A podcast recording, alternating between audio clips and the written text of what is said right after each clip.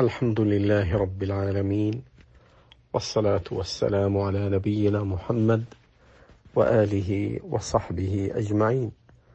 فقد ادعى بعض الناس أن الشورى ملزمة للحاكم فإذا شاور الحاكم أهل استشارته واتفقوا على شيء ما أو أكثرهم أنه يصير حينئذ يصير الحاكم ملزما باتباع من شاورهم إما باتفاقهم أو بأغلبيتهم.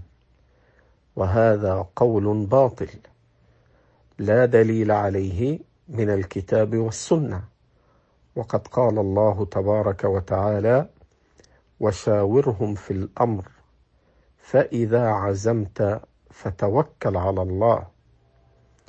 فأمره بأمرين أن يشاورهم ثم قال الله عز وجل فإذا عزمت أي عزمت أنت.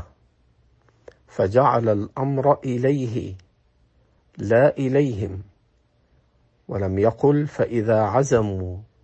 وإنما جعل الأمر بأن يشاورهم ثم جعل له العزم فيما يرى من المصلحة ثم أمره.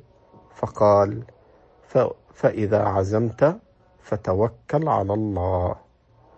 فمن ادعى أن الحاكم ملزم بالشورى بأن يصدر عن رأي من شاور فقد خالف الكتاب والسنة.